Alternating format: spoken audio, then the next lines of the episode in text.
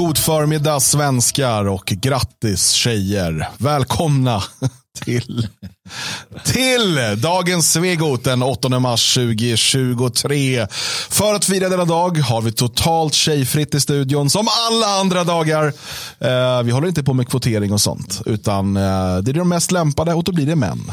Ja, uppenbarligen. Det är ingenting som vi har så att säga, strävat efter. Det har bara blivit så. Men eh, som sagt, ett stort, stort grattis till alla tjejer som behöver en extra liten dag så här för att bli uppskattade på. Vi ska göra vårt bästa för att förklara saker för er idag så att också ni med era små söta hjärnor förstår eh, allvaret, allvaret i det som händer i vår värld. Mm. Det var vackert sagt. Jag, jag har inget att tillägga. Det, det blir inte bättre än så. Nej. Nej. Grattis tjejer. Grattis tjejer helt enkelt. Uh, har vi gjort ett, jag vet inte hur många kommunister som kollar på det här men arga är de nu i alla fall. Ja, vi ska göra vårt bästa för att förklara för dem också om ja. saker och ting. Vi ska prata extra långsamt så också vänstertjejer förstår. och Magdalena Andersson. Då får man prata jättelångsamt mellan groggarna. Vad händer om man bjuder in Magdalena Andersson, Annie Lööf och eh, Mona Sahlin till att ha ett så här, samtal? ja. Alltså framåt går det ju inte. Fort går det inte. Uh, jag kan säga att de tjejer som nu säger tack, mm. er gillar vi. Precis. För att det är de tjejer som blir sura när man säger grattis tjejer idag, de gillar vi inte. Nej. Och det där ska vi förklara mer om. Vi ska nämligen berätta för er vad internationella kvinnodagen är, hur den kom till och varför eh, den är en vederstyggelse. Mm. Uh, men eh, för roliga. Om ni vill vara med oss i den här eh, kontrarevolutionen mm. och istället göra det här till en härlig dag. Då kan ni säga grattis tjejer och så säger ni tack. Mm. Och så eh, skiter man i det där andra. Men vi, vi, vi kommer dit. Och vi ska också kolla på den eh, på ett annat datum, inte 8 mars utan 6 januari. Eh, för drygt två år sedan så höll demokratin på att gå under i USA. Och Det var inte på grund av något så röstfusk eller sånt där. Sånt, sånt pågår ju inte i, i världens största demokrati. Däremot, däremot var det tusentals eh, högerextremister och sådana här vapenälskare och, och ja, konstitutionsrunkare kallas de också, såg jag mm. någonstans. Mm. Eh, som, som stormade Kapitolium i ett försök att mörda hela den politiska ledningen för eh, demokratins försvarare. Det var en fruktansvärd dag. Jag minns med, med, med, med fasa hur jag låg hemma Uh, och grät mm. uh, i fosterställning. Mm. När jag insåg vad som är på, på att hända i, i Kapitolium i USA. Demokratins vagga ja. som uh, utsattes för denna vederstyggliga attack. nej, vi ska prata mycket, mycket mer om det. Ja, det ska vi göra. USA är ju också, det är inte många som känner till det här för att historierevisionism pågår ju, men det är ju egentligen där antikens Grekland låg. Ja, alltså precis. Så var det ju såklart. Ja, men det, vet, ehm, de här eh, jordplattorna de flyttar ju på sig. Så mm. det, är inte alltid lätt med liksom väderstreck och sånt. Nej, verkligen. Vi eh, kommer dit. Eh, och, och, för att det har kommit en del nya alltså de, de har släppt nu övervakningskameramaterialet. Har mm. blivit tillgängligt.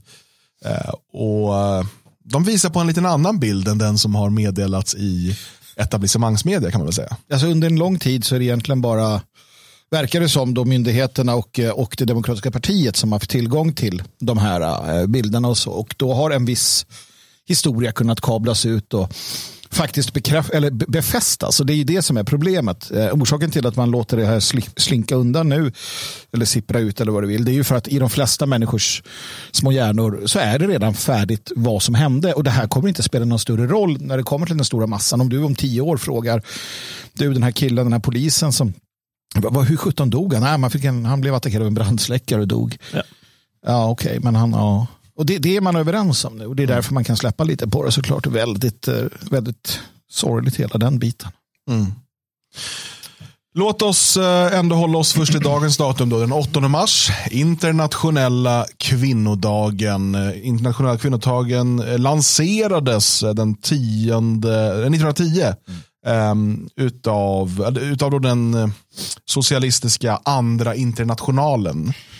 Uh, och det här då på initiativ utav flera stycken, men ledande för det här initiativet var en tysk kommunist som hette Klara Setkin. Och eh, hon, man kan bara säga så här, hon, hon var alltså för extrem för socialdemokratins extremaste vänsterfalang. Mm. Så hon och Rosa Luxemburg och Karl Liebknecht, det här är namn som jag tror många känner igen. Man borde göra det. Jag hoppas verkligen. Ehm, de bildar ju då sen eh, KDP, som är då Tysklands kommunistiska parti. Um, Finns det kvar idag eller? Ja, det är via en del uh, abrovinker så har det blivit Vinker. till Linker. Ja. Uh, men det är ju det som sen blev uh, SED, alltså maktpartiet också i, i Östtyskland mm. och sådär. Mm. Hon föddes ju i det som sen skulle bli Östtyskland uh, utanför Leipzig. Uh, men hon ligger begraven i Moskva. Mm. mm. mm. Varför då? I den så kallade, jag tror det är Kremlmuren. Aha, ja, eh, där då de största kämparna för den internationella socialismen och kommunismen ligger begravda. De stora politiska ledarna. Ja. Ligger Palme där? Nej, han, eh, han stack väl till Bahamas sen och levde, tror jag. Han är inte okay. död. Han är där med Tupac. Just det, ja. och Elvis. musik tillsammans. um, Klara eh, Setkin föddes som Klara Eisner. Eh, men sen träffade hon eh, det som svenska Wikipedia kallar för den rysk-ukrainska eh, mannen som heter Setkin. Mm. På engelska Wikipedia står, står det Russian Jewish. Ja, jag tycker väl ändå att det är bra att man i Sverige just ofta inte nämner att alla de här är judar, judinnor, har släktband med dessa och så vidare. För det skulle ju kunna få människor att tro att det finns någonting judiskt i hela, hela, hela liksom historien om bolsjevismen och kommunistpartiernas utveckling och så. att ja, Det får man inte. Nej, och det tycker jag inte man ska, tycka. utan bara för att i princip alla utav dem som lanserar, startar, agiterar och kämpar i grunden för kommunismen och bolsjevismen. Bara för att de är judar så betyder inte det att judar liksom har med det att göra. Men, men vi kan bara lägg, om man bara ser till den biten då, med om vi lämnar det judiska åt sidan för en gångs skull. Det tycker jag man ska göra. Eh, och talar om det ryska här. Judar och ryssar. Um, för att det som sker här är ju då att uh, det som sen blir hennes man, eller de gifter sig aldrig men de, hon tar henne, hans namn och sådär. Uh, Ossip Setkin. Uh, han är ju ryss, ry, alltså judisk men, men rysk medborgare och så vidare. Mm. Men precis som många andra ryska socialister så placeras han ut eller flyttar till eh, Väst och Centraleuropa. Mm i syfte att starta då revolutionära kampgrupper. Eh, om man kan någonting om liksom Centraleuropas och, och kanske framförallt Tysklands historia i början på 1900-talet mm. så vet vi att det sker de här revolutionsförsöken lite mm. här och var. Och det är ofta en blandning av ryssar, judar och sen värdfolket mm. då i det här landet. Eh, I de här grupperna. Eh, och Osip Setkin var ju en sån här eh, liksom kommunistisk organisatör. Mm. Han, han, han, organiserade då en sån här kommunistisk revolutionär rörelse i Leipzig. Eh, I samband med att Otto von Bismarck förbjuder den här typen av rörelser med, jag ska läsa vad den fantastiska lagen hette, Socialisten Gesetz Gesetz gegen die gemeingefährlichen Bestrebungen der Sozialdemokratie. Alltså lagen mot de samhällsfarliga socialdemokratiska strävandena. Oh. så, flyr, ehm, så flyr då Setkin till, um, till Ryssland då, mm. uh, där kommunister fortfarande kan verka fritt. Det här är ju innan revolutionen. Det här är ju alltså innan, det här är på slutet av 1800-talet. Uh, men, och, och även då eh, Klara eh, Eisner som hon fortfarande heter då. Hon, eh, hon flyr runt till lite olika länder, Schweiz, Österrike, Frankrike. Eh, och i Frankrike så sammanstrålar hon igen med Ossip Seitin där hon tar hans namn. Hon byter inte medborgarskap, för, eller namn för att då förlorar hon sin medborgarskap om de gifter sig. Så hon byter namn men in, hon gifter sig inte. Mm. Um, och uh, hon är då en av de absolut mest drivande kommunisterna i Europa. Mm. Uh, och hon är med alltså, hon, hon, är en av huvudarrangörerna till andra internationalen. Och man lanserar då internationella kvinnodagen uh, och man gör det under parollen Rösträtt för kvinnor skall ena vår styrka i kampen för socialism. Detta är alltså parollen och grunden till att man drar igång internationella kvinnodagen. Det är en del av, liksom, vi har ju suffragettrörelsen och så har vi då feminismen här och, och kommunismen då och de är alla för kvinnlig rösträtt. Men varför? Varför är kommunisterna för kvinnlig rösträtt? Mm. Det är väldigt intressant för att eh, vid den här tiden fanns det många kommunister som var emot till exempel kvinnor i, på arbetsmarknaden. Mm. Mm. Men kvinnlig rösträtt var viktigt. Varför? Mm. Och, och, här, det, här, det här var man ganska tydlig med här i, vid sekelskiftet. Man var övertygad om att det enda sättet att slå sönder det traditionella Europa och i, genomföra socialismen var att ge kvinnor rösträtt. Det, alltså det, det var medveten strategi, ja, ja, en uttalad strategi. Absolut. Ge kvinnor rösträtt så kommer, sta, så kommer socialismen att segra. Ja, mm. det, det, visste man från... Alltså det, det, ingenting som de här gör är liksom bara... Vad varnade för... Rudolf Kjellén för? Ja. Vad varnade... Ja, men, nej, men helt ärligt, man visste det. Högern visste det, ja. vänstern visste det. Ja. Får kvinnor rösträtt så kommer Europa förstöras och socialismen kommer ta över. Mm. Ja, det, det var det som man varnade för och det var det man på den andra sidan då hoppades på. Ja. Um, och Det här var alltså grunden, när man har internationella kvinnodagen, så är det eh, för att kampen, man ska enas i kampen för socialismen. Mm. Kvinnor och män, nu ska vi alla lika rösträtt så att socialismen kan segra. Mm.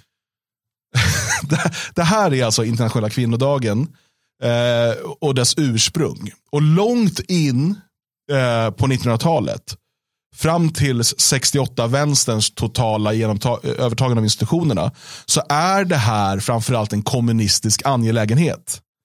När man sen tar över institutionerna så lyckas man via FN göra det här till någon typ av internationell happening. Um, som tar sig lite olika uttryck i olika länder. Men det är och förblir en antieuropeisk, familjefientlig kampdag för socialism. Som också råkar vara röd dag i Berlin. Mm. Jo, eh, jag tror man första gången gjorde den som röd dag, det var väl i Sovjet också? Absolut, nej så var det och i DDR var det det. Ja. Men sen så när, eh, när Sovjet föll och, och, och DDR blev en del av förbundsrepubliken Tyskland så var inte 8 mars längre än någon helgdag. Um, det här var framförallt liksom, fortfarande en kommunistisk angelägenhet och, och i Sverige då feminister och sådär som, som håller på med det. Men idag så har ju eh, en ny typ av socialism och, och eh, feminism tagit sig fram. Och den har ju då lyckats i Berlin eh, genom de gröna få eh, 8 mars till en helgdag igen.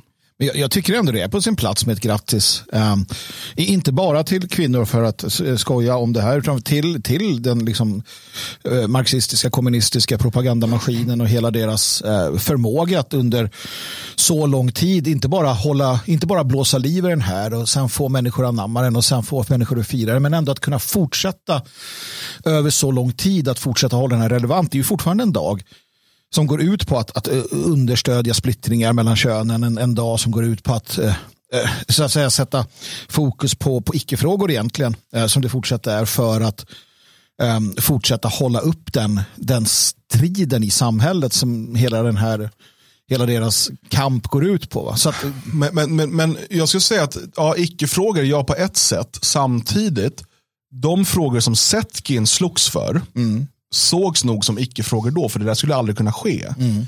Vad det handlade om var att slå sönder familjen, ja, slå sönder Europa.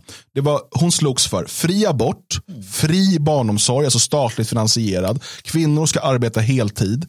Eh, hon slogs mot sambeskattning. Hon slogs mot alltså allt som hade eh, liksom med. Och hon hade, eh, det finns en, en um, artikel eller om det är en skrift, jag har bara läst utdraget ur den.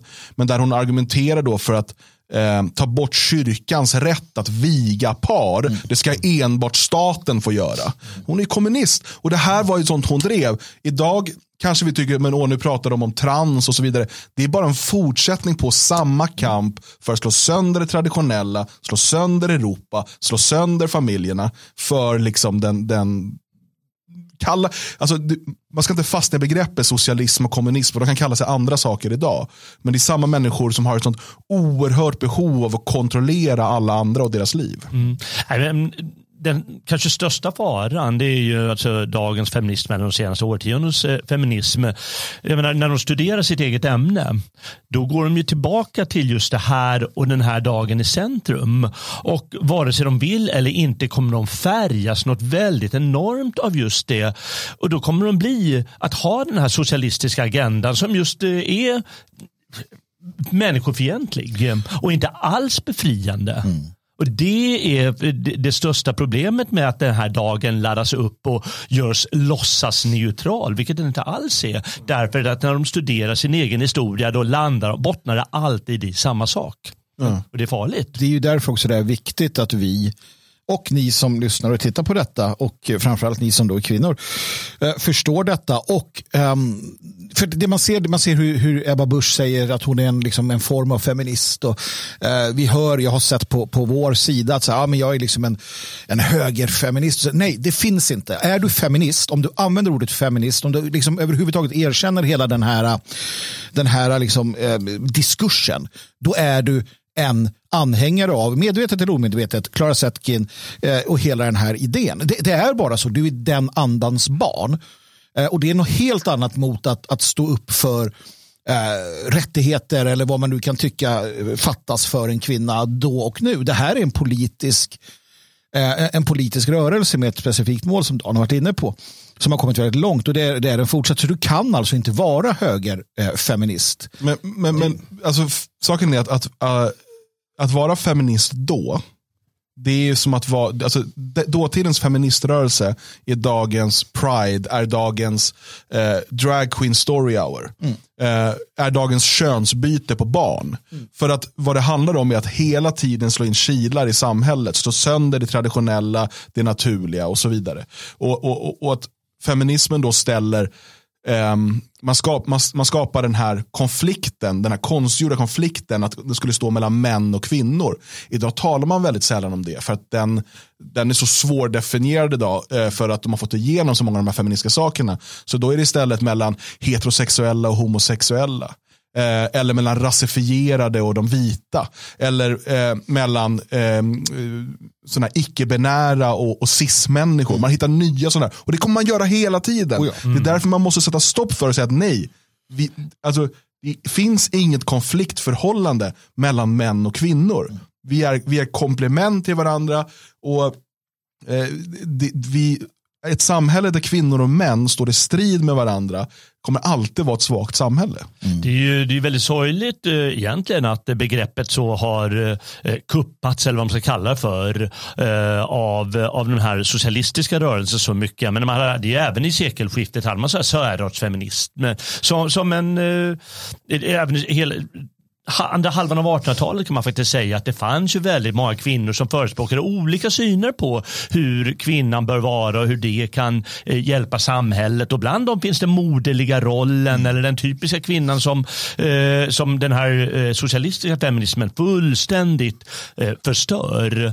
Men, men ja, problemet har väl blivit lite att, att begreppet feminism har, har liksom tagits över så pass starkt och antagligen hittar man inte tillbaka till de andra rörelserna som till exempel den här särartsfeminismen mm. som många ändå eh, på, på bra grunder eh, hyllar men som ja, på något sätt hela tiden kommer i skymundan. Ja, men är det nödvändigt med en, en, en, en specifik kvinnorörelse? Nej, men det är ju bara det att eh, de de kommer in, de syns i samhället från och med mitten av 1800-talet eller lite tidigare på ett, på ett helt annat sätt än kanske de gjorde tidigare i och med att den borgerliga, äh, liksom borgare i allmänhet får en mer röst synlig. Och då är det många kvinnor, de, eh, liksom, de skriver ju sina dramer och de skriver sina böcker och de skriver artiklar eller vad de nu gör och, och ja, de gäller väl att prata om sitt och eh, visa sin betydelse i världen.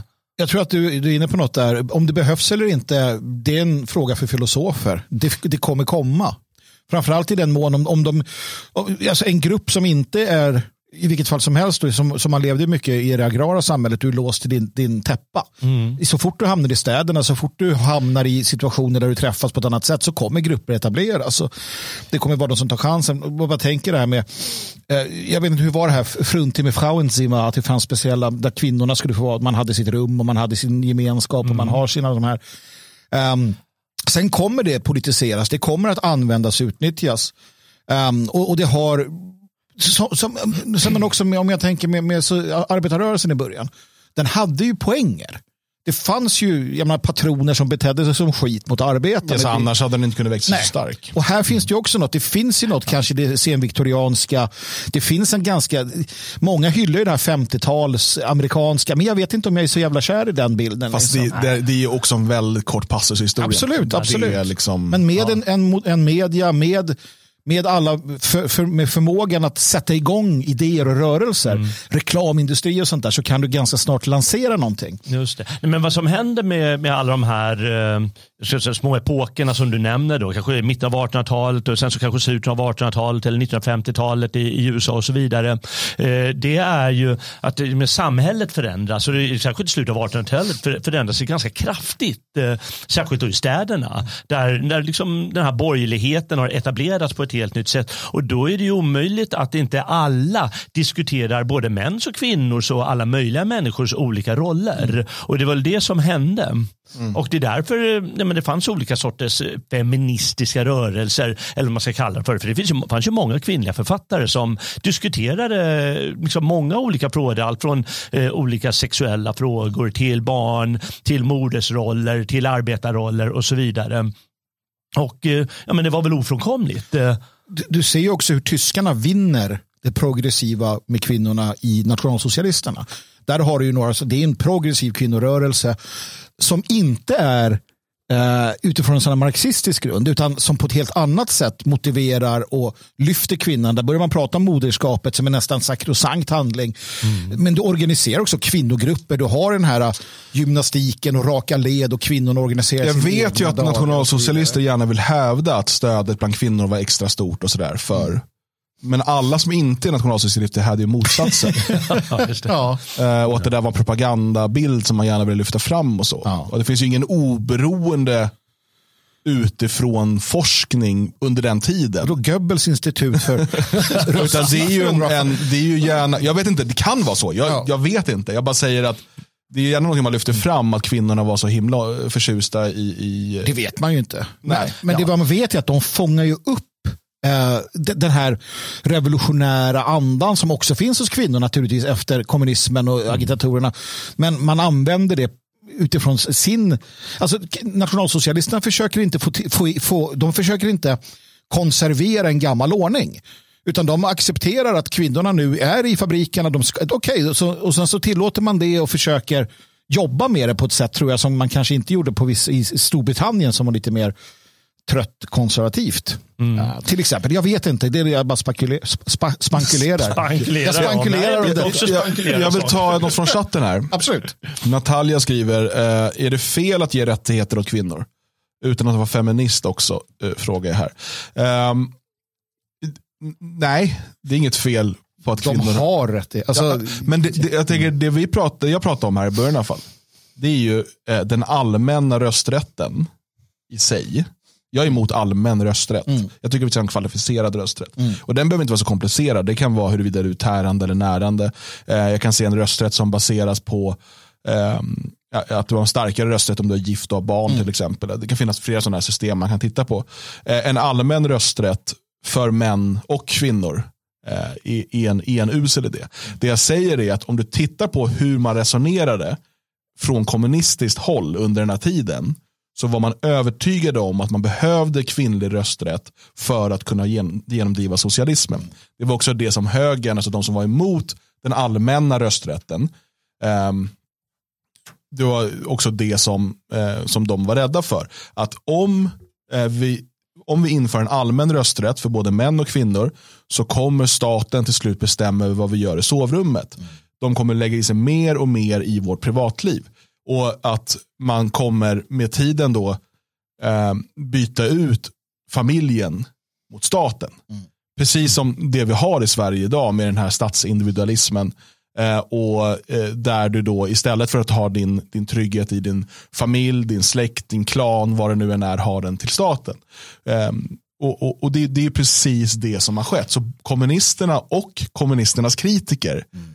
fick ju rätt. Sen är det alltid detaljer som inte blev exakt som man vanar för. Men, men sen, sen undrar jag, att ge kvinnor rättigheter, vem ska ha rätt att utge dessa, skriva ner, du har rätt att, det är där ett problem kommer in. Vill vi ens ha ett system där någon, då, någon makt, staten sitter och skriver du har den här rättigheten, du har den här rättigheten. Det, det ju säger ju ett problem, men då går vi ju, hoppar vi ganska djupt ner i liksom, eh, statsvetenskapliga hålet. Men problemet dyker ju först upp när det agrara samhället avvecklas till förmån för det industriella. Alltså när, med industrialismen och flytten till städerna så ruckas ju den naturliga ordningen. Vi har ju haft starka kvinnor genom historien som på, e- av egen kraft har tagit sig fram. Jean d'Arc är väl ett jättebra exempel. Det finns andra. Um, så att det har ju hänt, men i ett, ett, ett, mycket, ett mycket annorlunda samhälle.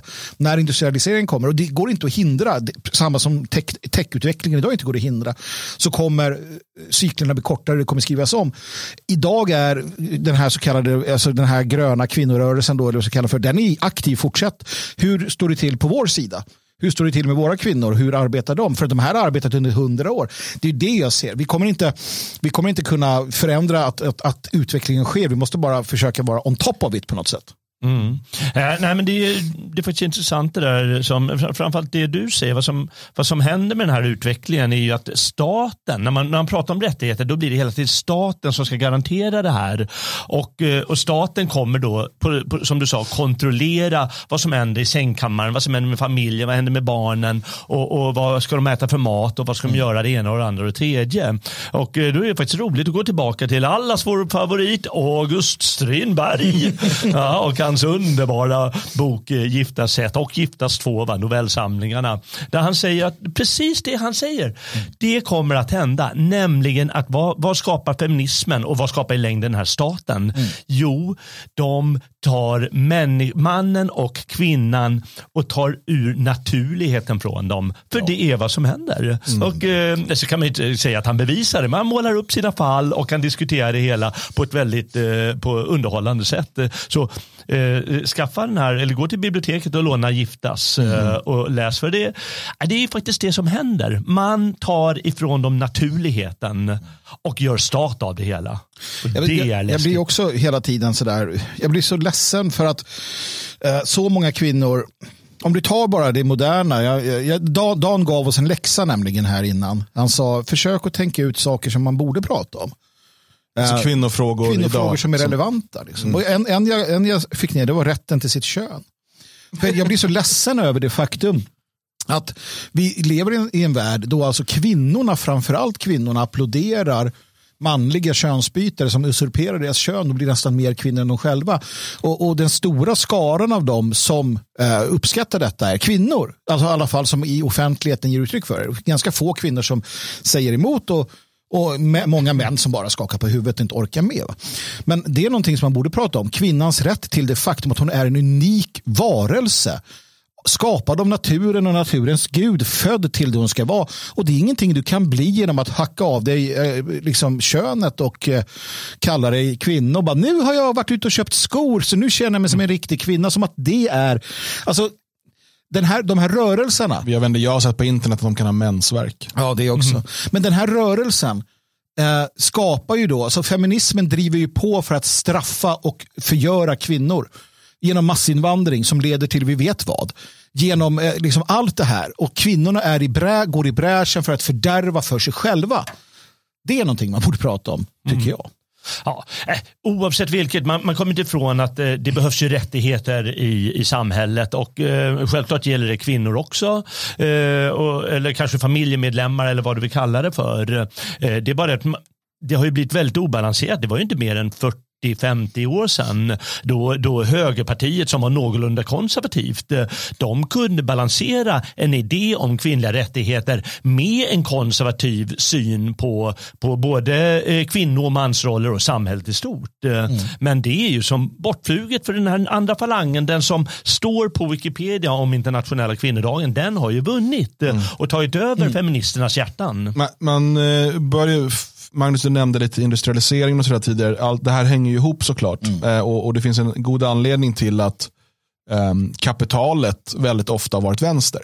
Eh, och väldigt ofta har stöttat eh, kommunistiska rörelser. Så och det kan verka konstigt för den som eh, tror att de här två står i motsats till varandra. Men eh, det var en, en, en socialistisk vilja och en drivkraft under lång tid att kvinnor skulle ut i arbetslivet på samma sätt som män.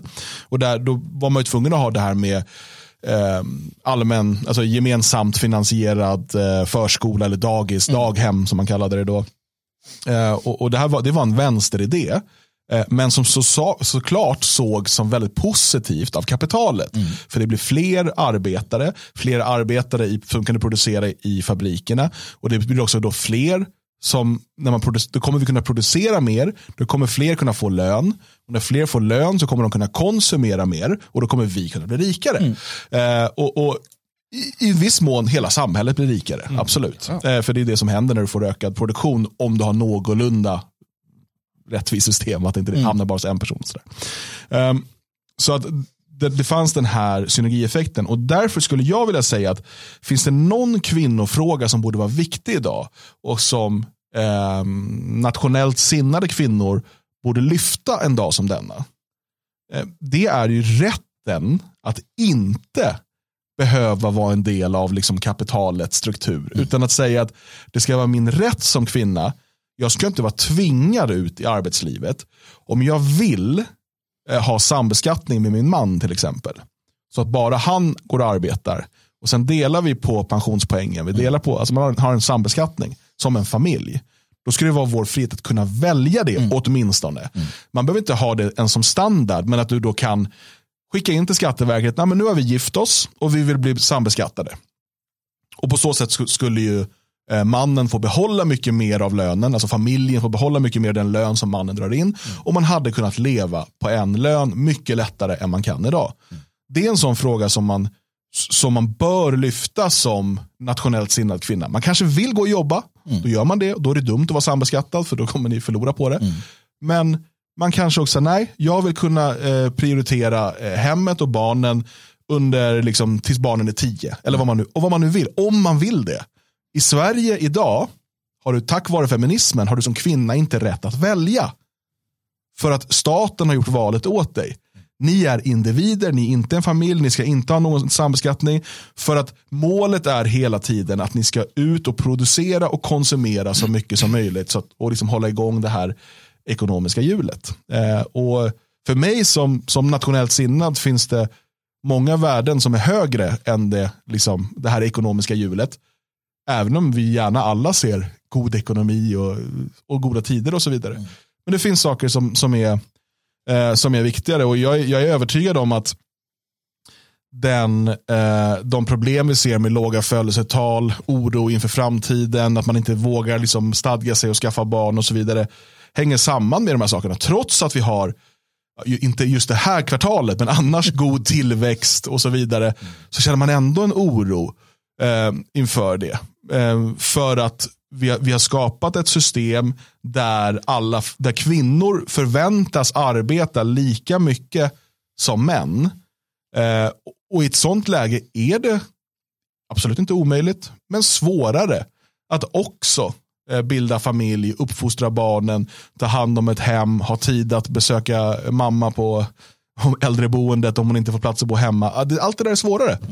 Mm. Um, men, men, det är det samhället man har skapat. Det är statsindividualismen som är liksom en, en modernisering egentligen av socialismen. Mm. Nej, absolut. Uh, jag hade med det också. Uh, att man inte ska liksom tvingas in i det. Och det är väl det som är det. Jag menar, det är väl ändå en, en, en rimlig utgångspunkt. Att du inte ska tvingas till så kallad jämställdhet. Vare sig med föräldrapenning eller dagar eller annat. Varför ska du tvingas till det? Där borde alla som är liksom normalt funtade säga att nej, det ska inte vara ett statligt tvång. Vi ska ha rätt att välja själva. Jag vet när man har eh, i samtal med eh, engagerade kvinnor så hör jag ofta att man pratar om förlossningsvård. Jag har inte satt mig in i det mer. Men jag vet att det finns en stor oro, en stor ilska kring hur den eh, frågan hanteras. Och, och, det är någonting som jag då tänker att jag bara lägger fram här för den här nya eh, nationella kvinnosakskampen. Eh, att det är väl då värt att också Jag kan bara säga en sak som jag tycker att Tyskland gör betydligt bättre än Sverige när det gäller det här. Mm. Som jag, jag tycker är helt galet att det inte är så i Sverige. I Tyskland så hade vi, vi betalade lite extra för det visserligen, jag tror 200 euro för hela, hela tiden. Men då hade vi garanterat att vi hade samma barnmorska hela tiden. Mm. Alltså hela graviditeten som är med sen under födseln, mm. som sen kommer hem och liksom hjälper dig om man, om man vill det. Kommer hem och så här, visar hur man, saker funkar, har lite efteruppföljande och sådär. Samma barnmorska mm. hela vägen. Inte att det är någon ny varje gång det kommer och du vet inte vem som kommer ta hand om, om förlossningen och sådär. Um, men det funkar inte i Sverige för att vi har socialistisk sjukvård och alla ska ha lika mm. dåligt. Ja, men, eh, en, alltså det kan vara i farozonen det där. För eh, jag minns från vår sista födsel att eh, och vi, vi, har ju fått då i Tyskland då på Geburtshaus som, som man har då som är borttaget i Sverige. Men det blir svårare och svårare där också för de reglerar mer och mer och ställer hårdare och hårdare krav. Ungefär som man gjort på dagmammor i Sverige. Har man ju ställt så svåra krav att ingen kan vara dagmamma längre ja. mer eller mindre. Och, och, det händer mer och mer i Tyskland och det visar precis vad det handlar om. Staten vill ha kontroll och, en, och det sättet den får är genom att ställa omöjliga krav på de som gör ett bra eh, jobb. Mm. Jag, jag, gillar ju eh, visioner och, och, utopier naturligtvis. Mm. Uh, och det, där finns det ju en väg att gå. Uh, jag tycker att, att det finns många som gör ett bra jobb på sociala medier, män som kvinnor, att, att förmedla dem. Bland annat så, så är det ju en, en allt ökande Eh, krets av framförallt kvinnor verkar det som, som visar upp hur de bor eh, i obygden, odlar all mat själv och är självförsörjande och så vidare. Ja, hatten av, jättebra. Men vänstern jobbar med influencers som befinner sig i den värld där den absoluta majoriteten av unga svenska män och kvinnor befinner sig de tar upp frågorna som den absoluta majoriteten av unga svenska män och kvinnor tänker på. I det här fallet är unga kvinnor. De har en, en, en uppsjö av influencers som pratar om detta. De, de är inte intresserade av att prata om att odla egna jordgubbar för de vet att majoriteten av unga kvinnor skiter i egna jordgubbar. Så det de gör är att de finns där de unga kvinnorna, svenska kvinnorna är för att få dem att följa deras politiska eh, agenda. Här skulle man då behöva en motvikt och det finns i princip inte av unga eh, eller äldre för den delen då, eh, nationellt sinnade i sådana fall, konservativa vad du vill, influencers som pratar om de sakerna, inte om att odla egna jordgubbar. Eh, det kan man också göra, men man får nog själv välja sida där. Ska jag finnas i, ska jag påverka en massa unga tjejer från att inte göra ditten eller datten eller ska jag visa hur bra jag har det på mitt torp där jag jordgubbar? Båda sakerna är bra, men jag tror att det skulle vara bra om fler då tog den här eh, inte, ja, realpolitiska vägen i sådana fall. Ja, det finns ju um, ett problem när man är en i, i, i samhället i stort ganska liten rörelse som vår uh, jämfört med, med mainstreamrörelse. Och det är ju att när vi i vår rörelse vill renhetssignalera inåt och visa kolla hur bra jag är på att leva så som vi säger man ska leva så är det en väldigt liten krets som berörs av det. Mm. Men egentligen så är de här influenserna, influenserna du pratar om, de gör ju egentligen bara samma sak. Mm. Men att de är ju redan i ett mainstream-sammanhang. Mm. Alltså, eh, om man då tar eh, att nationella vill ju gärna imponera på andra nationella. Just. Vare sig det är kvinnor eller män som gör det. Oh ja. Med att liksom, kolla vad rätt jag tycker, kolla vad liksom, mm. eh, och vad tradd jag lever. Precis. Eller vad de nu säger. Eh, medan eh, de, här influence, de här människorna i liksom mainstream-fåran, de efterapar ju feministiska mm. paroller mm. och, och liksom så här, vilka alltså, ihåliga argument, men som signalerar till deras grupp att liksom, kolla jag, jag, jag lever som, som man ska, jag har rätt åsikter, kolla hur, hur progressiv jag är. Men där får de ju mycket större träffyta. Mm. Eh, så jag, jag, jag, tror att liksom, vi och de gör egentligen samma sak. Mm. Men vi, eftersom att vi är minoriteten, alltså vår rörelse är ganska liten jämfört med mainstreamrörelsen, så måste vi fråga oss hur kan vi få våra cirklar att korsas? Mm. Var, kan vi liksom, var kan vi mötas och faktiskt nå de här människorna? Så, det, och, ja. Förlossningsvård kanske? Kanske, jag vet inte. Och det, det känns ju absolut, här kanske det är rimligt då, det här som jag ifrågasatte.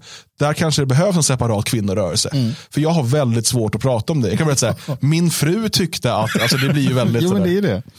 Ja. Nej, men alltså hela den där biten, som jag menar också då rätten till sitt kön, där finns det ju kanske, kanske det, det, är ju, det är ju många tjejer som tycker att det där är dumt med att, att män som, som liksom låtsas vara tjejer, att de är tjejer och har mer rätt än alla andra. Mm. och så vidare. Men det är upp till, i det här fallet blir det också upp till kvinnorna att prata om sina egna frågor. Vi kan inte, vi kan inte sätta oss in på det helt enkelt. Va? Kanske om vi byter kön. Ja, det skulle vara det. Jag blir ju kvinna då, naturligtvis. Ja. Uh, men det är viktigt, för att det här kommer fortsätta vara en stridsfråga. Vi, vi kan ju stå i all evighet och säga att det inte ska vara det. Mm. Men det kommer ju fortsätta att vara det för att det finns krafter som vill att det ska vara det. Och där gäller det att, gäller att vi så att säga hanterar det. Uh, och vi får göra det på de sätt vi kan. Och det gäller ju såväl män som kvinnor i det sammanhanget. Mm. Hörrni, vi ska gå till 6 eh, januari istället tänker jag. Eh, och vi ska se på film. Mm. Eh, nu blir det biovisning med mm. Svegot. Eh, och eh, vi ska kolla på ett, eh, vi har två klipp egentligen, ett längre och ett kortare. Vi ska börja med det längre. som är då ett helt inslag från Tucker Carlsons program på, på Fox. Ehm, och som vi nämnde här innan, man har ju nu Eh, nu har det blivit offentligt då, övervakningsmaterialet ifrån Kapitolium 6 januari 2021. Eh, så jag tänker att vi låter det här inslaget rulla. Ehm, och för jag, tänker att det är bra att få hela kontexten. Mm. Eh, det är inte säkert att alla har heller top of mind. Hur, hur berättades den här historien? Ja, nej, nej. Um, så att så här såg det ut och lät i uh, Tucker Carlsons program. These are the pictures you've seen of January 6th. They're familiar because they've been playing on a loop on every media outlet in America for the last two years. There's a reason for that. But it turns out there's quite a bit of video you haven't seen. And that video tells a very different story about what happened on January 6th. More than 40,000 hours of surveillance footage from in and around the Capitol have been withheld from the public. And once you see the video, you'll understand why. Taken as a whole, the video record does not support the claim that January 6th was an insurrection. In fact, it demolishes that claim. And that's exactly why the Democratic Party and its allies in the media prevented you from seeing it. By controlling the images you were allowed to view from January 6th, they controlled how the public understood that day. They could lie about what happened, and you would never know the difference. Those lies had a purpose they created a pretext for a federal crackdown on opponents of the Uniparty in Washington. Our office wanted to ensure that there was shock and awe that we could charge as many people as possible The first thing you notice from viewing the full... Det här är väldigt intressant. Eh, för att men varför, skulle, varför har de ljugit om det? Mm. Varför, skulle de, varför har de inte liksom berättat hela sanningen? För det som händer efteråt, det är ju dels då att man flyttar fokus till den ganska livliga diskussion som var om eventuellt röstfusk mm. till att bli då Trumps försök att störta demokratin. Mm. Och man, eh, an, man använder det här då som förutsättning för att gripa, fängsla och övervaka massor av de mest aktiva motståndarna mot regeringen. Mm. Det, det, det, är, eh, så det, det, är ju liksom en det är inte en Patriot Act 2.0, men, men, men, det är ju så att för att motivera den här stora eh, insatsen mot så många människor så behöver du ju helt måla upp ett hot av att de försökte mörda alla oss politiker och de försökte störta demokratin och så vidare. Alltså i, i princip så misstänkliggör du hela det, det eh, alltså i konservativa, det republikanska partiet och rörelsen och alla som tillhör det. Efter då fyra år utav våld, eh, och hot och terror från vänsterrörelser, från BD, B, B, B, vad heter de? BLM och så vidare. BLM, BDSM. BDSM från BDSM-rörelsen. Mycket våld där under åren. Ja. Uh, nej men, och, och, allt det som händer. Och, och, helt plötsligt så kan vi sluta prata om allt det och bara prata om att man försökte, och jag menar insurrection, det här är ju allvarligt, det är alltså ett uppror. Det är alltså ett försök att störta den amerikanska staten, den federala ja. myndigheten. Det har inte mm. hänt sen, liksom, uh, sen, sen sist. de, de säger det har inte varit så allvarligt sen inbördeskriget. Nej, precis. Och, och då ja, är det allvarligt. Hotet mot konstitution. Ja. Och då måste man ju visa, och jag menar de videor som hela tiden visas i mainstream media den visar ju på en väldigt allvarlig ja, situation. Mycket, det är våld och det är liksom... Ja, ja, de slår sig in ja. i, i liksom parlamentet och, och um, ja, vi, vi får se. Video record of January 6th is just how many people entered the Capitol building that day. Hundreds and hundreds of people, possibly thousands, over the course of about two hours. The crowd was enormous. A small percentage of them were hooligans. They committed vandalism. You've seen their pictures again and again. But the overwhelming majority weren't. They were peaceful, they were orderly and meek. These were not insurrectionists. Alltså, det vi ser här är alltså en kille som då har, han är med och försöker då störta demokratin nu. Ja, han är- Men han står då och plockar på sig lite foldrar från turistinformationen. Ja. Precis.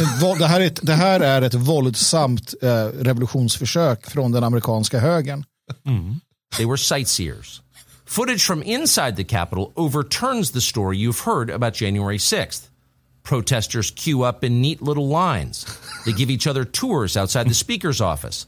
They take cheerful selfies and they smile. They're not destroying the Capitol, they obviously revere the Capitol. They're there because they believe the election was stolen from them. They believe in the system. Det, det är alltså, det här pratade vi om redan när det skedde. Så här, att mm. det fanns ju några bilder man såg, men vänta, för då är det de här avspärrningsbanden. Mm. Och hur de liksom håller sig innanför dem. Och liksom så här, det där ser inte ut som ett liksom, revolutionsförsök. Jämför det typ när Isis går in på typ, något museum i Irak liksom, och slår sönder allt de hittar. Väldigt fredlig revolution. Ja, det, det är det. Alltså vad som är väldigt intressant här, vi ska se vidare snart, men kan redan nu säga hur, hur otroligt viktig medias roll är.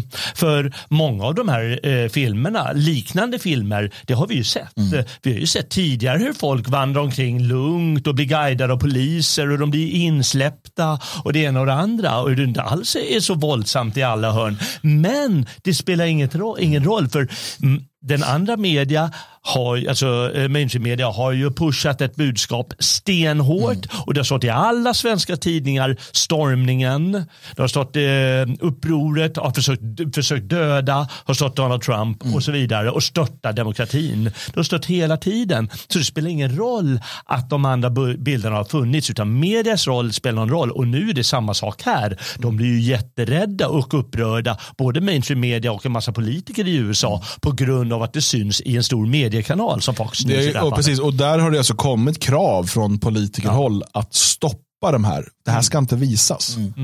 Jag, jag vill bara ta och påminna eventuella tittare och lyssnare som kanske själva varit med i demonstrationer genom åren.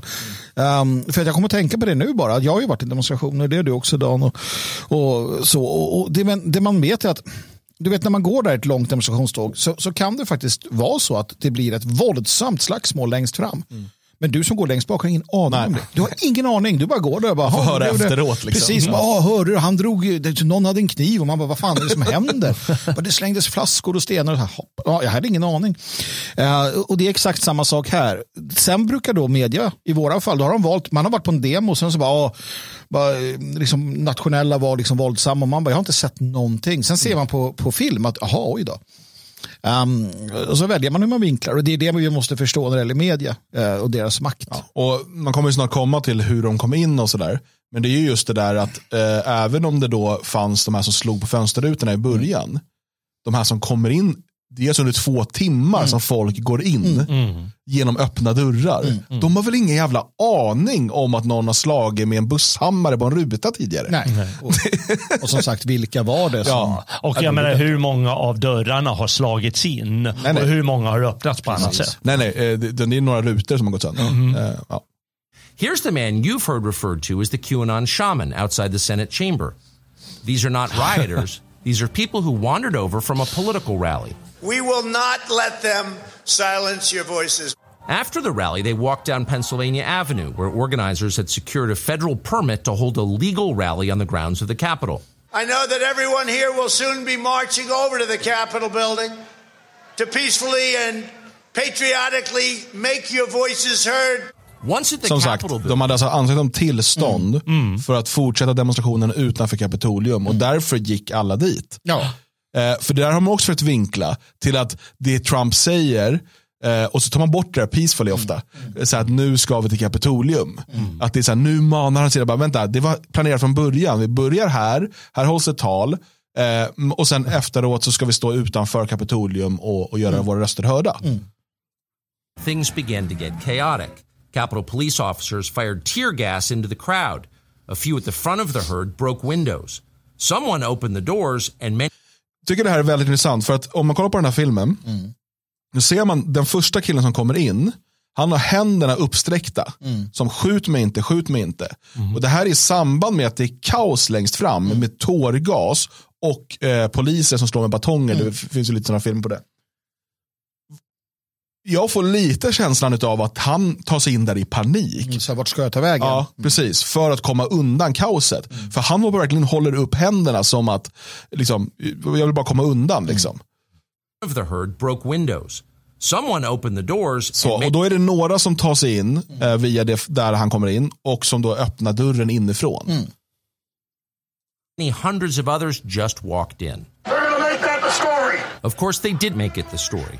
And at the center of it, the single most famous person arrested that day was a Navy veteran from Arizona called Jacob Chansley, often referred to as the QAnon shaman. the so-called QAnon shaman. QAnon shaman. Someone named Q Shaman. Jacob Chansley became the face of January 6th, a dangerous conspiracy theorist dressed in outlandish costume who led the violent insurrection to overthrow American democracy. For these crimes, Chansley was sentenced to nearly four years in prison, far more time than many violent criminals now receive. What did Jacob Chansley do to receive this punishment? To this day, there is dispute over how Chansley got into the Capitol building. But according to our review of the internal surveillance video, it is very clear what happened once he got inside. Virtually every moment of his time inside the Capitol was caught on tape. The tapes show that Capitol Police never stopped Jacob Chansley. They helped him. They acted as his tour guides. Here's video of Chansley in the Senate chamber. Capitol Police officers take him to multiple entrances and even try to open locked doors for him. We counted at least nine officers who were within touching distance of unarmed Jacob Chansley. Not one of them even tried to slow him down. Fundera riktigt noga nu. Eh, för det som händer här är alltså att shamanen, Jacob, han går alltså själv, alltså han är inte i en mobb. Han är, han är ensam som, eh, som demonstrant. Eh, han är hela tiden tillsammans med två, tre, ibland ännu fler eh, poliser eh, från vakter där från, från Capitol. Då. De lotsar runt honom, känner på olika dörrar. Vad, kan du gå in här? Nej. Och så går de vidare till nästa ställe. Kan du gå in här? Nej. Och så försöker de hitta då hur han ska kunna komma vidare. Eh, han är inte våldsam, de försöker inte gripa honom, de försöker inte stoppa honom. Han går runt och liksom tar lite foton och sådär. Eh, och, och, eh, Medan de försöker hjälpa honom, som jag förstår det då, att komma in i själva plenisalen. För det är dit han vill då av någon anledning. Nej, alltså det, det är ju väldigt konstigt. Jag, jag ska försöka att vara någon form av djävulens advokat här och hitta, hitta någonting. Och, och då kan jag säga att eh, ja, kanske var det så att man då från eh, Capitol Police identifierade honom som ledare, eh, en av ledarna. Och man kände att om vi bara låt dem göra sitt eh, så kommer vi ta dem här i efterhand. Precis som i till exempel i kravaller där man filmar och bara, man låter folk slå sönder saker, dra sig undan, sen tar man dem i efterhand. Tanken var att, för att tanken kanske då var så här att om vi tar honom nu så kommer mobben bli vansinnig. Då kommer de börja mörda och skjuta för att det här är ju livsfarliga insurrectionists. Och därför låt honom göra sitt och sen så spelar vi in det. Filma alla och bara låt det inte bli liksom kaos i Kapitolium och sen tar vi dem efteråt. Um, det är så att säga den enda så här, ja, eh, det, det är det jag kan tänka Och jag hade mig. kunnat hålla med om den om det inte var så att han är helt bortkopplad från resten av mobben här. Det är ju det som är Hade de gått bakom, hade det varit, då hade det där kunnat vara en förklaring. Att det är rent taktiska skäl. Men eftersom att han går ju ensam med, som att han nästan jobbar med dem. ja. Och det enda som tyder på att han inte jobbar med dem, det är att han blir dömd till fängelse. Fyra år. Ja. Det är ganska mycket, men hur kommer det här... Det, det, man, ja, man får, man ska, För att alltså, d- drar man på sig foliehatten och tittar på det här, så ser det ju ut som att eh, han är ditplacerad. Gammal militär också. Ja. Jobbat Eh, och så går de runt tillsammans, hur ska du, kom- hur ska du komma in? Ah, du vet, nu ska vi skicka in dig till de övriga här. Ja. Eh, det, det ser väldigt Och då, eh, då skumt kan man ju så här, Dan säga att det är foliehatt. Men jag minns, jag minns en demonstration vi var på i Berlin. Tror jag det var. En liten tyst demonstration. Helt plötsligt från ingenstans dök det upp en stor tjock full gubbe och började skrika Sieg Heil. Från ingenstans. Som sen då kastades ut ur tåget. När vi pratade med arrangörerna, vem var det? Nej, men det, är- det är polisen. De gör alltid så här. Ja, nej, men vad, vad, vad fan sa han där? Jo, han sa polisen skickar alltid in en full idiot som ska heila. Ja. Vad fan säger du? och det, är, det är på riktigt så de gör. Ehm, så att det är inte så långt ifrån Nej, sanningen. och det har ju funnits här också. Det, det, det var någon som skrev i app den här appen här, eller i chatten om någon, den här Epps-gubben. Och det har ju funnits många andra eh, uppenbara element. Ja, det är han, han som står och skriker bara, sen så ska vi till Kapitolium och vi ska storma. Vi ska storma och vi ska, vi ska röja. Och sen så har han liksom synts eh, gå Mm. och komma tillbaka och gå och komma tillbaka och hetsa på nya människor. Till och med varit precis vid stormningarna. Det har ju funnits massor med bilder på det. Och det har funnits många andra sådana element också. Mm. Liksom det har funnits massor med vänstermänniskor som har varit med och eh, krossat rutor. Vad, som, vad det verkar som i alla fall. Mm. Och varit där inne eh, i självaste den där Nancys rum och suttit vid skrivbordet utan att ha blivit... Eh, Så som alla vet så har det funnits det finns ju jättemycket som konstigt. Både regisserat kanske av polisen som det här verkar vara och andra sa- saker inte. Det är Nej, men jättesvårt precis. det här. Och, och är det något, USA är ju det är ett land där det verkligen arbetas mycket med infiltratörer och, och sådär. Det finns ju de här rent komiska, eh, liksom när vissa, det var, var det något klan, Tre grupper, samtliga var startade av. eh, ja men jag tror det var någon grupp där alla som var med, Ja, ja, var, var, ja, alla som var med på ett möte var infiltratörer eller liksom Tillhörde jobbade- olika ja, federala agenter. tillhörde olika säkerhetstjänster. Och bara satt där och hetsade varandra till att begå våldsdåd.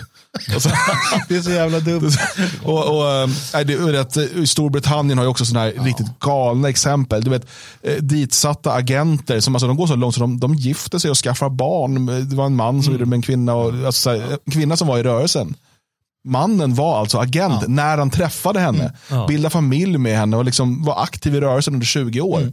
Och var he, allt var hela tiden en, en roll. Ja. Kanske han blev kär i henne och sådär, det vet jag inte. Men, men Ja, Det, det är väl bara att inse det, men det finns ju spioner och agenter. Ja, ja. De, de liksom lever och, och, det livet. Ja, men, och att de människorna inte skulle finnas i den här gruppen.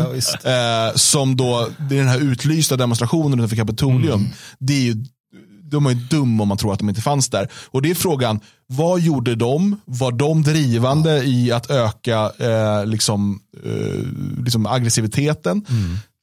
Det, det vi vet från USA också, som är värt att komma ihåg bara i sammanhanget, är att de olika federala myndigheterna som, eh, som CIA, FBI eh, och sen alla andra, de vet ju inte om vad de gör, alltså de vet ju inte om vad varandras organisationer gör. Så du kan ju, precis som på det här mötet, då var det ATF, FBI och så vidare, lokala poliser. Alltså, det är ju så det fungerar, så att här hade du säkert operatörer från olika federala myndigheter som opererar helt enligt deras plan. Vissa tänkte att om vi ska göra det här, andra ska göra det här, några ska göra ditten och datten. Och Det är ju helt hopplöst och det är ju så superkorrumperat och det är verkligen ett swamp det här och det händer då mitt i, mitt i, i, i liksom Washington. Ehm, Så att nej, absolut och det får man inte. Och att ingen medians nämner det, tar upp det faktum att det är så, det, det är ju horribelt. Chansley understood that Capitol Police were his allies. Video shows him giving thanks for them in a prayer on the floor of the Senate. Watch. Thank you, Heavenly Father, for giving the inspiration needed to these police officers to allow us in this building. Contrast the De reality sitter alltså här ett gäng och ber för dessa poliser och tackar för att de har släppt in dem i byggnaden. Låter det som ett försök att störta demokratin? Jävla dåliga revolutionärer. Ja, Alltså. ska vi komma ihåg att jag minns en, en bild där de precis har blivit insläppta, vilket jag antar att de blivit. Och då står de ju och säger till de få som finns bakom dem, hörni, vi får komma in och göra vår röst hörd. Va?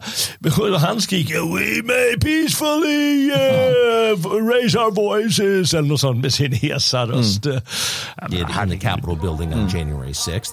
The indisputable facts recorded on video, some of which has never before been seen, with the depiction of Jacob Chansley that you've seen in the media for more than two years. He's a terrorist, they said. He should be killed. shoot him.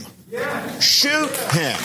Like if it you burst into the United States, if he was dressed like Bin Laden, would you have shot him? Shoot him! Shoot him! It makes you wonder who are the violent extremists here? Not Jacob Chansley. And the video proves that.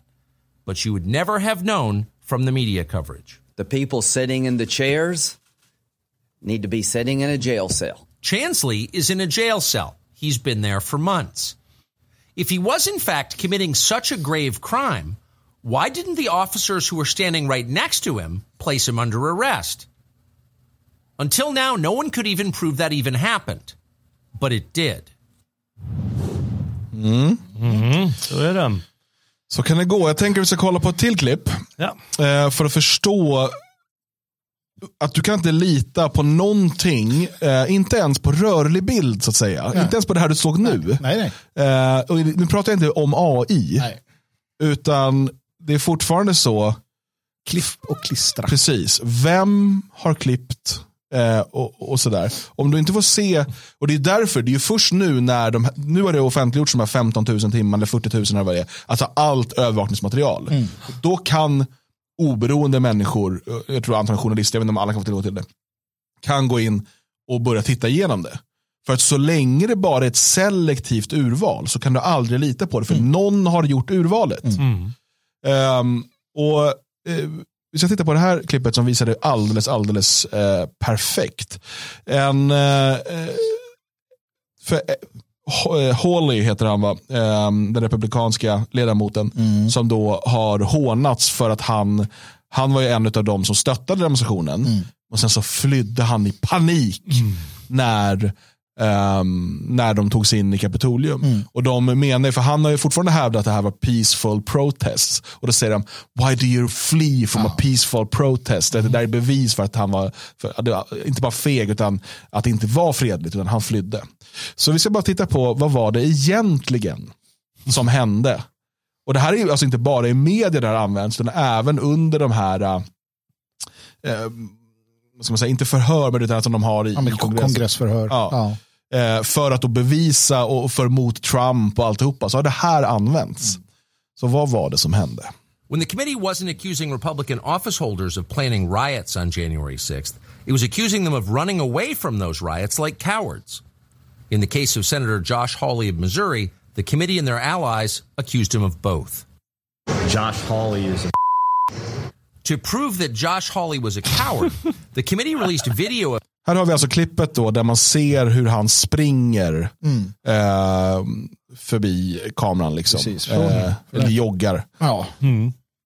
Ja, och det här. of him loping out of the building on the afternoon of January 6th with a police escort. The tape became a staple on social media. Democrats laughed with derision. Later that day, Senator Hawley fled after those protesters he helped to rile up stormed the Capitol. See for yourself. Så visar de bilden där. Så sitter de och skrattar feministerna här. Ja, just det. Vilken tönt han är. But in fact, the surveillance footage we reviewed shows that famous clip was a sham, edited deceptively by the January 6th committee. the clip was propaganda, not evidence. The actual videotape shows that Hawley was one of many lawmakers being ushered out of the building by Capitol Hill police officers. And in fact, Hawley was at the back of the pack. The coward tape was a lie, one of many from the January 6th committee. Det som händer är alltså att polisen eh, beordrar utrymning. Fort, fort, fort. Ut med er. Och naturligtvis hade jag jobbat där ehm, och det kommer in poliser med eh, kravallutrustning och automatkarbiner och säger ut för i helvete fort som fan. Utrym, utrym. Då hade jag dragit som en avlöning. Jag vet inte vad som händer. Men då ska man säga det, han är alltså sist. Så varför, för de som inte har sett filmen då. Det är alltså stora grupper av människor som, som joggar där. Och han kommer sist av alla. Och det gör ju att man då kan visa klipp när bara han Ja, syns. precis. Och så struntar man i resten. Visst. Och det blir en helt annan kontext. För det ser bara ut som att han försöker fly. Det ser nästan ut som att han är först av alla. Ja. Liksom, att nu sticker jag. När sanningen är den, dels att han var sist och han var absolut inte ensam. Utan polisen har sagt åt honom att utrymma. Sagt åt alla att utrymma. Och då har man, och det, kan, det är inte så att de här i eh, 6 januari-kommittén och så vidare som har jobbat med det här, att de inte kände till att det fanns mer på det här klippet. Tvärtom. Utan man har ju medvetet då och använt det för att håna honom. Att han är en fegis. Alltså, helt- Och, de här, och de här, det här är alltså det som har legat till grund nu för domar och allt möjligt, hela den här kommittén. Allt deras arbete måste ju rivas upp, ogiltigförklaras. Alla som har varit medve- Klart. medskyldiga till det här måste ju dömas. Det här är ju allvarliga saker de gör. Det här är ett hot mot demokratin. Absolut. Ja, det, det, det, och vi vet ju det. Alla de, här, alla de här filmerna och liknande är ju, de stämplas ju när man tittar på dem. Så att så Tucker Carlson tar ju upp det i något klipp att de vet ju att kommittén har sett det här. De vet att de har sett allt och valde ut detta. Um, det demokratiska partiet har medvetet, den här gruppen som är då ett demokratiskt initiativ, de har gjort detta. Det, det finns ingen tvekan, det Mm. är bara så. Och då, då tittar vi då hur det här rapporteras över Atlanten och så vidare, inte ett ord. Och det om något visar igen, återigen, hur media eh, utan tvekan eh, ar arbetar för sin agenda. Det som Wolodarski kallar för agendajournalistik och den agendan är för Mm. globalisterna och för den här typen av, av eh, politik och mot eh, Ja, men de, de är ju ointresserade av sanning eller rättvisa eller sådana fina ord som de gärna använder. Allt handlar om propaganda och få igenom eh, den, den världsordning de vill ha. Ja. Eh, Och, och jag menar, om det, så mycket tydligare kan det inte bli än de här, bara de här exemplen. Nej. Och på hur liksom en hel eh, etablissemangsmedia har, de har alla kört på samma story. De har kört stenhårt på det och de säljer stora summor pengar eftersom det ändå är ett laddat ämne. Mm. Så de kan få ännu mer genomslag för sin propaganda och få lön för det också och få pengar tillbaka. Alltså det är helt fruktansvärt vilken eh, jag kallar det här, liksom, ni sa ju hot mot demokrati, riktiga hot mot demokratin. Det var med, det vi pratar ju statskuppmänniskor som Ja, har tagit. Vi hade den här, den vidrigaste personen i, den amerikanska senaten, eh, Chuck Schumer. Ja, gissa härkomst. Och eh, han står ju och, och säger att de här lögnerna måste eh, stoppas. Han pratar om sin precious democracy. Det brukar jag säga låter som Gollum här nu va. Någon, någon, han liknar banne med Gollum. Och eh, här har jag ett beställningsjobb framför mig av eh, AP. Tucker Carlson amplifies Jan- eh, January 6 lies with a GOP provided video. Och det står, det är alltså rad upp och rad ner propaganda. Ingen kritisk syn. Och vi ska ju dessutom veta att pressen det är ingen annan press som har velat ha den här informationen. Nej. Alltså, nej, det vill vi inte ha. Vad ska vi ha med det för? Vi nöjer oss med den här kommittén som uppenbarligen har ljugit, ljugit och ljugit och klistrat och allt vad det vill. Så de vill ju inte ha någon information. De vill inte vara journalister. De vill inte kritisera makten utan de vill supporta den eftersom de uppenbarligen är en del av den. det, det vi ska komma ihåg ehm, är ju att, ehm, alltså det, det är ju det också att hu- den här, nu är det förvisso då Fox och, och Tucker som, som sprider ut det här. Men det kommer inte komma många till, till livs, till gagn. Det är inte många som kommer se det här. Det är inte många som kommer förstå det här. Ehm, det skedde en statskupp. Det gjorde det på riktigt. Det var en statskupp vid den här tiden i USA. Men det var det demokratiska partiet som gjorde den inte Trump och Republikanerna. Och lär känna, eh, känn dig själv som andra, eller tvärtom blir det ju. De pratade, under fyra år pratade de om det här. De pratade om att, att Trump kommer försöka stjäla valet. De pratade om hur man skulle, att Trump kommer valfuska. Man pratade till och med om hur man skulle agera för att få militär och polis på sin sida. Om, det, om, om man skulle behöva tvinga bort eh, Trump med våld. Man hade war games i det demokratiska partiet. Hur, man skulle arrange- hur man skulle göra en statskupp om Trump vinner. För, för man sa att vinner Trump så har han fuskat och då måste vi tvinga bort honom. Man engagerade militärer, höga chefer, höga generaler för att skapa strukturer för att kunna göra en statskupp. Det man gjorde sen var en statskupp. Den, den, den regim som, den Biden-regim som är, vågar jag hävda, den, den är inte legitim.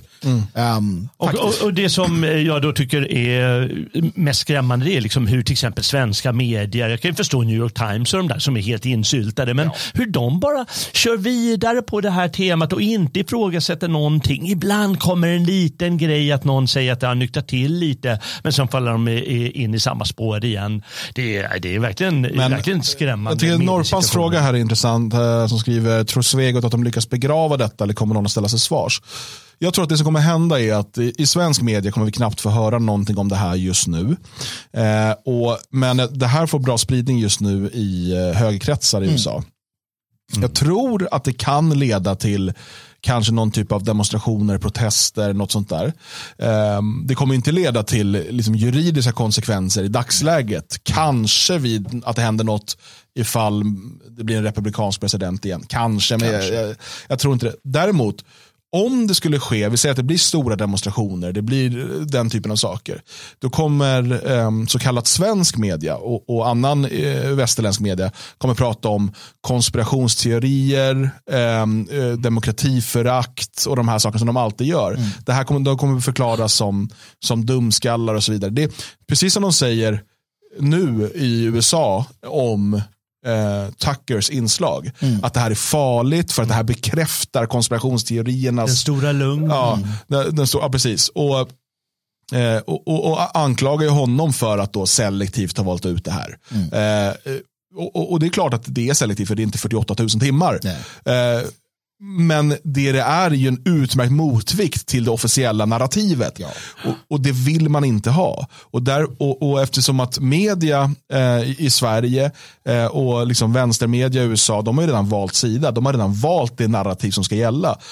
Så de kommer bara, alla som kommer hävda något annat, alla som kommer protestera mot det här, kommer av dem avfärdas som konspirationsteoretiker, eh, extremister och så vidare. det, som, det som händer i detta nu som har pågått hela tiden det är att um, så att säga splittringen uh, i USA um, bara fördjupas ehm, till, till, en, till en punkt där det inte går att komma tillbaka. Och jag tror att det här är det som skiljer um, från alla andra gånger. Um, I USA då det varit stora politiska konflikter, man har haft Watergate och man har haft en massa liksom så. Men den här gången tror jag inte det finns en väg tillbaka. Det finns inte en väg tillbaka där så kallat då demokrater och republikaner eller vad du vill kalla dem för, där de kan hitta tillbaka till varandra. Jag tror att det här kommer gå för djupt. Jag tror att det här är liksom början på slutet för det amerikanska imperiet. Um, hur exakt och när, det vet vi inte. Men jag ser inte att det går. Jag ser inte att liksom um, det här går att hitta en väg framåt. Framförallt inte med det, det antivita våld som, som också sker i detta Nej. nu enorma problem. Det, det är liksom så många inom politiska organisationer och mediala organisationer och, och, och så, myndigheter och alltihop som har, de har satt för mycket på spel. Mm. Det är det som är problemet. De har liksom, när de kan stå så, som den här Schumer gör och, och prata om att Nej, men ni måste lägga ner media för det där, ni, ni, ni ställer fel frågor. Jag menar, då är man ju risigt ute. Då, då fattar man att det är något konstigt som händer. De satsar för mycket på ett kort. Och när vi ser också hur, hur allt fler pratar om, och det är faktiskt så eh, att det pratas, det har liksom inte slutat pratas om eh, att eh, man vill dra sig tillbaka från den federala liksom, statsbildningen. Det, det, det hörs allt, allt jämt och, och jag tycker allt oftare också. Eh, Att, att delstater pratar om, eller människor i och så vidare, att det kanske vore en bra idé att sköta sig själv. DeSantis till exempel. Är ju, nu, nu sägs att han ska springa efter presidentskapet, det är möjligt. Eh, Han kan lika gärna bara få för sig att nej, vi skiter i det här. Florida får fan gå sin egen väg.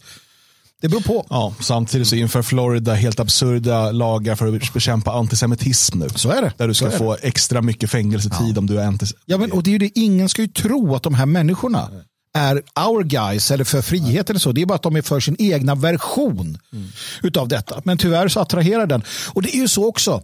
Efter många år utav, liksom, om vi tar det som en, en jämförelse, efter många år utav kommunistiskt styre, då välkomnar man NATO, EU och liberal liksom, politik. Samma sak i USA efter alla år, då kanske man, ja men skitsamma, jag får i alla fall äga mina vapen. Människor är enkla.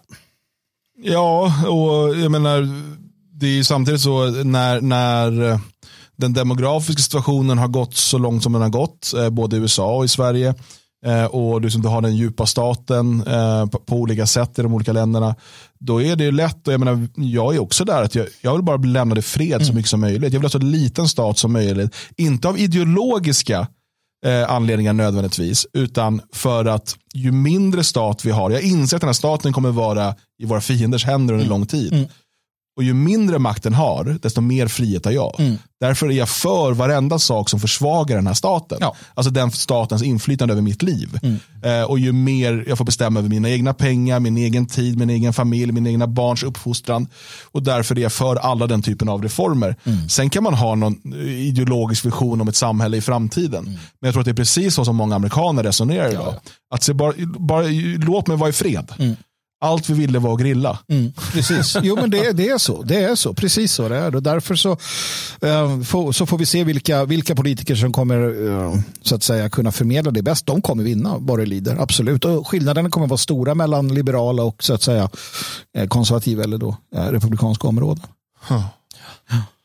Hörrni, eh, imorgon, då är det inte längre kvinnodagen. Så då, då är det männen tillbaka här. Då är det. Männen kommer att säga sitt då. Skickar vi hit dem. Eh, Men eh, grattis tjejer, hoppas att eh, ni får många sådana här fina, mm, eh, vad- vad- vad ger man Alltså, tjejer? har du bestämt dig för om du ska göra din protestaktion? Jag eller vet inte. Nej.